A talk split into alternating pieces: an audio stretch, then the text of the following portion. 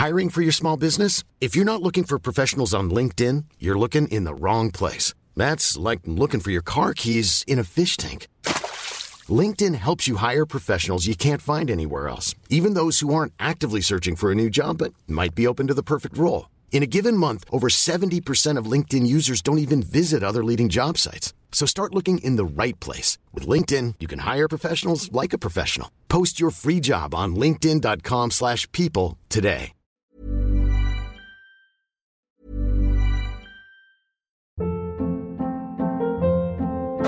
Hold up. What was that? Boring. No flavor. That was as bad as those leftovers you ate all week. Kiki Palmer here, and it's time to say hello to something fresh and guilt-free. Hello Fresh. Jazz up dinner with pecan-crusted chicken or garlic butter shrimp scampi. Now that's music to my mouth. Hello Fresh. Let's get this dinner party started. Discover all the delicious possibilities at hellofresh.com. Hiring for your small business? If you're not looking for professionals on LinkedIn, you're looking in the wrong place. That's like looking for your car keys in a fish tank. LinkedIn helps you hire professionals you can't find anywhere else, even those who aren't actively searching for a new job but might be open to the perfect role. In a given month, over 70% of LinkedIn users don't even visit other leading job sites. So start looking in the right place. With LinkedIn, you can hire professionals like a professional. Post your free job on linkedin.com slash people today.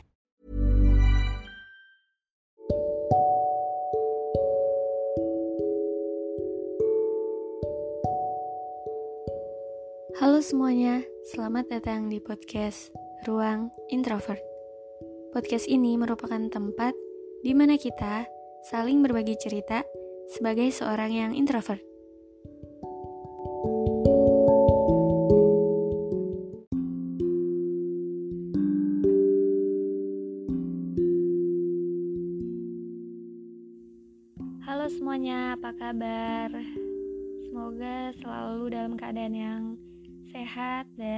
Baik-baik aja dan dilindungi oleh Tuhan Yang Maha Esa. Amin. Oke, di episode kali ini akan sedikit berbeda dari episode sebelum-sebelumnya, dari episode yang pernah ada di ruang introvert. Karena di episode kali ini aku akan membacakan cerita dari salah satu followersku di Instagram jadi uh, ada salah satu followersku yang ingin ceritanya ini aku bacakan di podcast Ruang Introvert. Jadi ya kita langsung aja oke. Okay? Halo, perkenalkan namaku Saga Senja, mahasiswa akhir dari sebuah institut di Jawa Barat.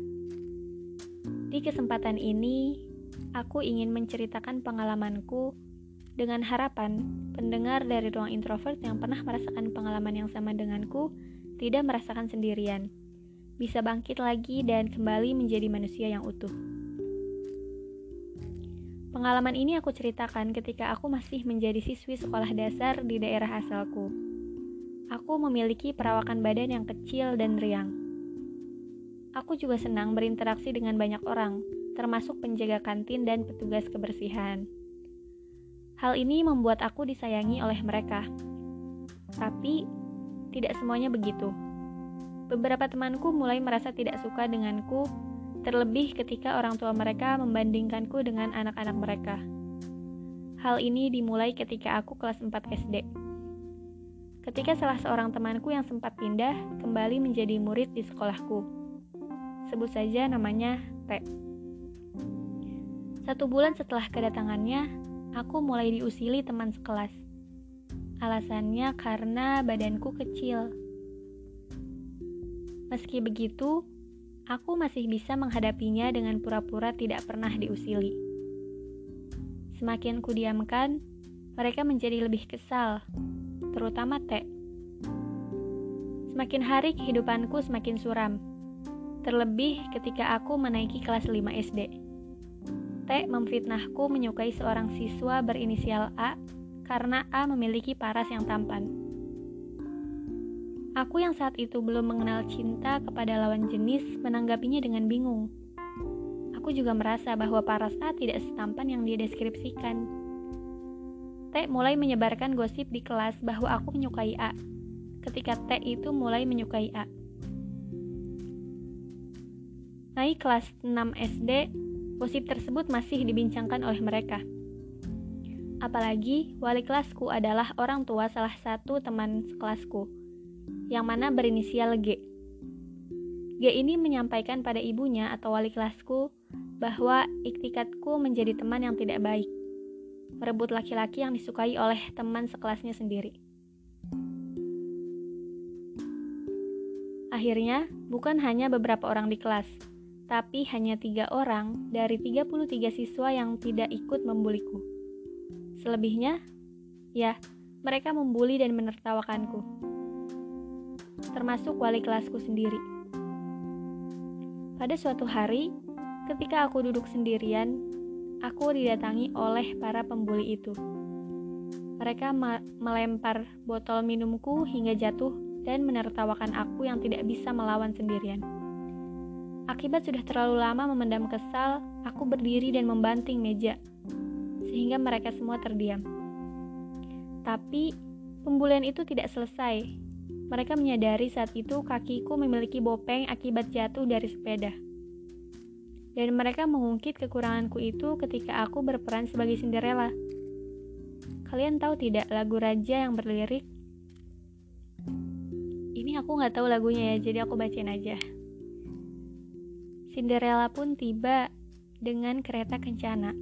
Sepatu kaca hiasi kakinya. Diganti dengan Cinderella pun tiba dengan segala kekurangannya. Sepatu kaca hiasi bopengnya. Sakit hati, tentu saja. Aku menangis setelah acara itu selesai. Setelah lulus, aku memasuki sekolah menengah pertama negeri yang diisi oleh anak-anak korban bulian kekerasan di rumah, dan anak-anak yang memiliki karakter yang ceria sepertiku.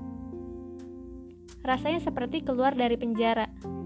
Tiga tahun kujalani dengan bahagia, bahkan aku bisa menerima semua kekurangan dan berteman akrab dengan anak-anak yang dilabeli preman bagi guru bimbingan konseling sekolah. Kenapa tidak? Mereka menjadi anak nakal bukan tanpa alasan. Mereka mau tidak mau harus mengubah diri demi bertahan hidup agar tidak direndahkan oleh orang-orang di sekitarnya.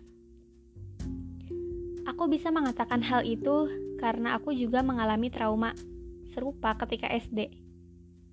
Dan aku bersyukur tidak merubah diri menjadi lebih buruk.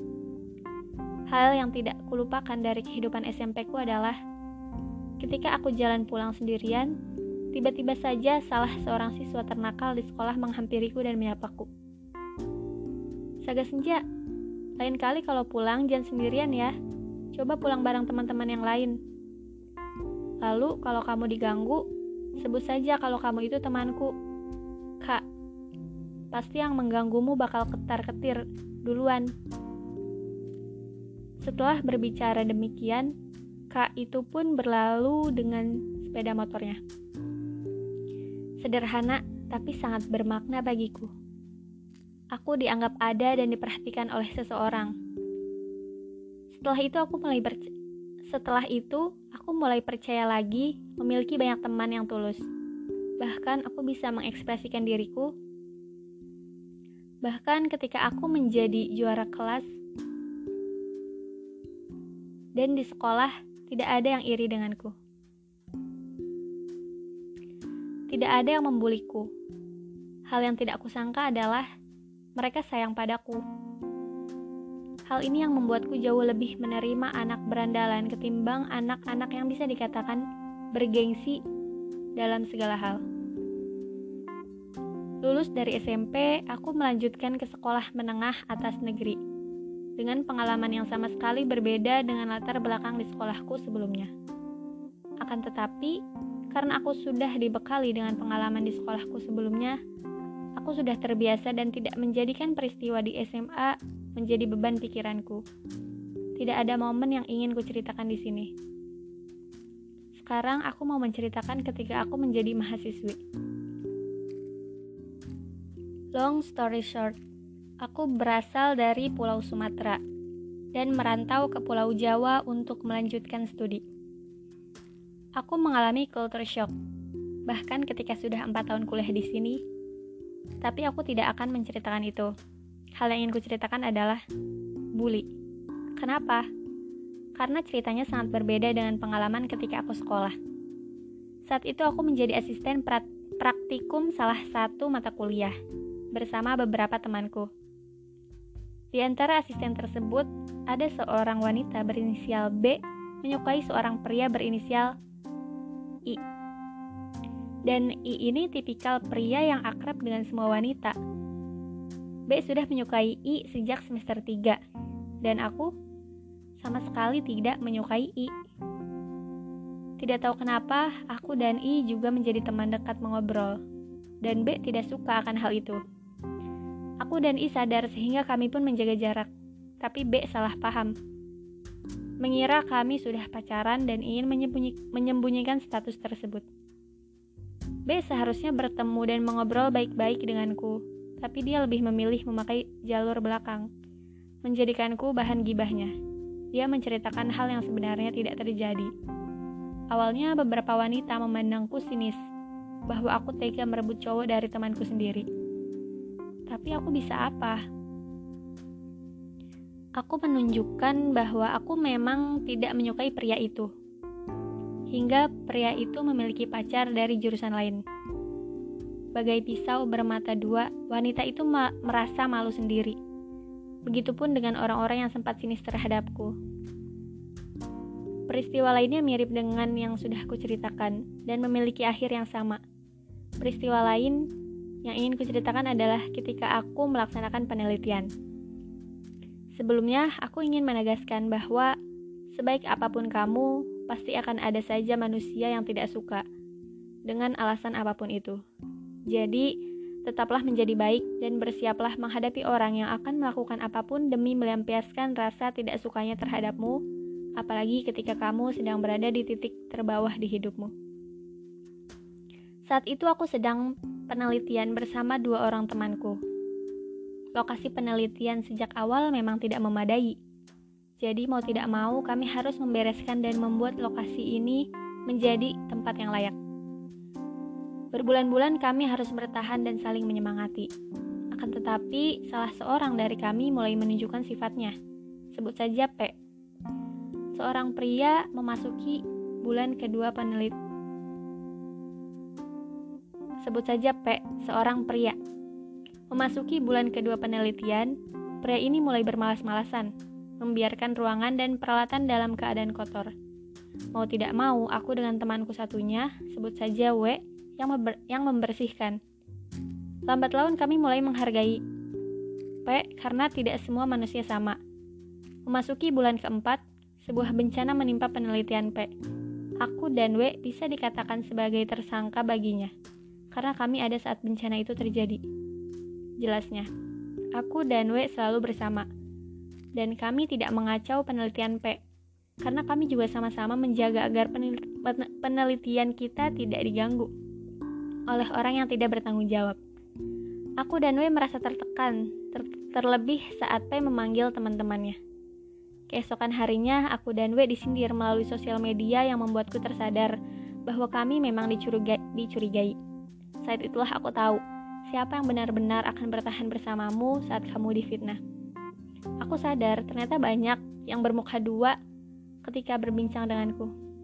Dan topengnya terlepas saat aku sedang diuji seperti ini. Dua hal itu membuatku bersyukur pada diri sendiri yang tidak menyandarkan masalahku kepada mereka. Karena bisa saja masalah itu menjadi bumerang bagi diriku sendiri. Saat cerita ini dibacakan, aku, si Saga Senja, masih berjuang bangkit dan menunjukkan bahwa bukan akulah yang merencanakan bencana bagi P ini. Saat ini, aku pun masih berjuang bertahan dari trauma bully yang kuhadapi ketika sekolah dulu. Saat ini pun, aku masih harus menguatkan pijakan kaki agar tidak jatuh oleh terjangan badai di hidupku. Bagaikan lagu Naomi Scott yang berjudul Speechless, Aku tidak akan tinggal diam. Aku akan tetap berjuang meskipun orang-orang mencoba menjatuhkanku. Teman-teman pendengar ruang introvert, dari peristiwa yang kualami di atas, aku ingin menyampaikan, bahwa sekeras apa pun masalah yang kalian hadapi, bertahanlah. Jadikan hal itu sebagai titik yang mendewasakan kalian. Bersyukurlah karena kalian diuji. Secara tidak langsung, kamu dipercaya bisa mengatasi masalah tersebut. Kamu jauh lebih hebat daripada orang-orang yang merendahkanmu. Ingatlah, pohon kelapa menghadapi kuatnya angin pantai dengan akarnya, dan dia masih bisa berdiri kokoh. Pohon kelapa itu tidak butuh bantuan pohon lain untuk bertahan, karena dia sadar bahwa dia mampu menghadapi angin itu dan dia percaya bahwa angin kuat pasti berlalu. berlalu. Teman-teman, kalau kamu pernah menjadi korban bully, difitnah, dan hal lain yang membuat kalian down, ingatlah bahwa kalian masih memiliki kelebihan. Kalian itu istimewa. Semakin banyak orang jahat yang ingin menjatuhkanmu, maka sebenarnya kamu semakin dekat dengan kesuksesanmu. Teman-teman, jangan pernah berhenti menjadi orang baik Jangan pernah merubah diri menjadi orang lain agar diakui. Tetaplah berbuat baik, tetaplah menjadi diri sendiri, karena orang yang tepat akan datang di waktu yang tepat. Jangan takut sendiri. Dengan begitu, kamu akan lebih mengenal dirimu sendiri. Kamu akan mencintai dirimu sendiri. Dengan begitu, orang yang benar-benar baik akan datang sendiri untuk mendukung kebaikanmu, untuk menguatkanmu, untuk mengangkat derajatmu, untuk menyemangat, menyemangatimu, hingga akhirnya kamu sadar, kamu sudah berada di puncak. Kamu akan dilihat banyak orang, kamu akan dielu-elukan, dan orang akan menghargai siapa dirimu yang sebenarnya. Hadapi semua sakitnya, tertawakan setiap jatuhmu, karena kamu yakin akan bangkit lagi. Terakhir, jangan lupa berterima kasih pada dirimu sendiri karena kamu masih bertahan hingga saat ini. Itu saja yang aku ceritakan. Jangan lupa jadikan ruang introvert jadi podcast favoritmu ya. Ya, itu dia cerita dari Kak Saga Senja. Bener-bener yang menyentuh ya, bisa dirasakan gitu. Gimana susahnya, gimana sulitnya bangkit dari trauma bulian itu. Sebelumnya aku mau apresiasi dulu buat Kak Saga Senja karena udah mau menceritakan pengalamannya gitu ya. Karena nggak semua orang tuh bisa menceritakan traumanya gitu. Nggak semua orang tuh bisa uh, mau berbagi ceritanya kepada orang lain gitu. Mereka kadang memilih untuk uh, memendamnya sendiri gitu. Padahal kan mm, dengan diceritakan kepada orang lain itu banyak yang bisa kita dapatkan gitu ya. Banyak yang bisa didapatkan oleh para pendengar dari cerita kita gitu. Sebelumnya makasih banget buat Kasaga Senja karena udah mau berbagi. Dan ya kamu udah hebat banget gitu ya. Udah hebat karena karena emang nggak gampang untuk bangkit dari trauma di masa lalu. Apalagi itu kejadiannya juga kejadian pembulian udah dari SD gitu ya. Mungkin aku sendiri nggak merasakan uh, menjadi korban pembulian. Tapi aku apa ya bisa merasakan gimana perasaan Kak Saga Senja ini waktu waktu jadi korban tersebut ya dan balik lagi ke haters gonna hate. Mereka yang benci sama kita yang emang gak suka sama kita akan mencari cara untuk gimana pun caranya biar kita itu jatuh gitu biar mereka tuh selalu ada di atas gitu. Tapi kita juga nggak bisa uh, dengan seenaknya balas dendam terus ngejatuhin mereka balik gitu ya bukan kayak gitu. Tetapi dengan cara ya bangkit gitu bangkit dari trauma kita itu bangkit dari jadi diri yang lebih baik gitu. Menunjukkan kalau ini nih korban bully yang yang dulu kalian bully itu sekarang udah keren sekarang udah hebat gitu. Kayak gitu. Jadi ya itu tadi yang kata Saga Senja bilang tetaplah menjadi orang baik gitu ya. Mau segimanapun orang-orang berlaku pada kalian gitu. Jadi diri sendiri yang jadi orang baik gitu. Jangan sampai uh, ngelakuin hal yang ya itu bakal jadi bumerang juga buat diri sendiri gitu kan. Kalau kita terus menjadi orang baik gitu ya akan ada saatnya kita juga ketemu sama orang-orang yang uh, tepat untuk kita. Orang-orang yang juga baik sama kita lingkungan yang baik gitu. Kayak gitu. Sebenarnya semua ini juga adalah pelajaran buat kita gitu kan untuk menjadikan kita menjadi orang yang lebih dewasa gitu. Orang yang lebih kuat. Oke mungkin kayak gitu ya kalau dari aku. Sekali lagi aku mau ngucapin terima kasih buat Kasaga Senja karena udah udah keren udah hebat dan udah mau menceritakan ceritanya di podcast Ruang Introvert. Oke mungkin itu aja. Terima kasih dan sampai jumpa